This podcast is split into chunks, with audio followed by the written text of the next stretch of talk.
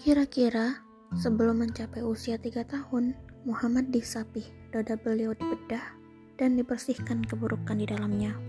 Sebuah peristiwa yang masyhur dalam buku-buku sejarah.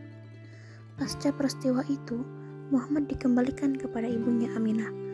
Namun perlu penekanan bahwa dikembalikannya Muhammad ini adalah karena adanya Nasrani Abyssini yang mengincar nyawa beliau untuk dibawa ke negeri mereka, diberitakan oleh Ibnu Ishaq.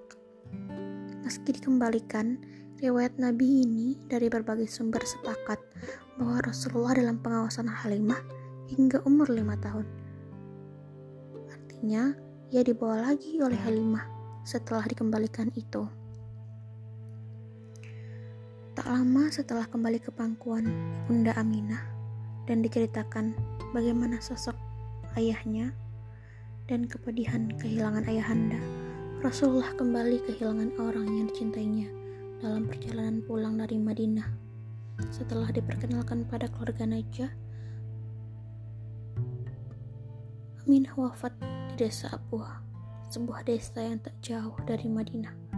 Rasulullah kemudian dibimbing oleh Ummu Aiman dengan hati yang tak mungkin tak pilu, namun mampu dihadapi oleh Rasulullah. Sejatinya, bisa saja kepergian ayah dan ibunya adalah benteng kuat yang menjadi pondasi sifat bijaksana Rasulullah. Sebab sejak kecil, cobaan dengan kehilangan orang yang dicintainya ini menjadikan ia memiliki pemahaman-pemahaman yang akan mengubah kehidupannya kelak. Allahu a'lam bishawab.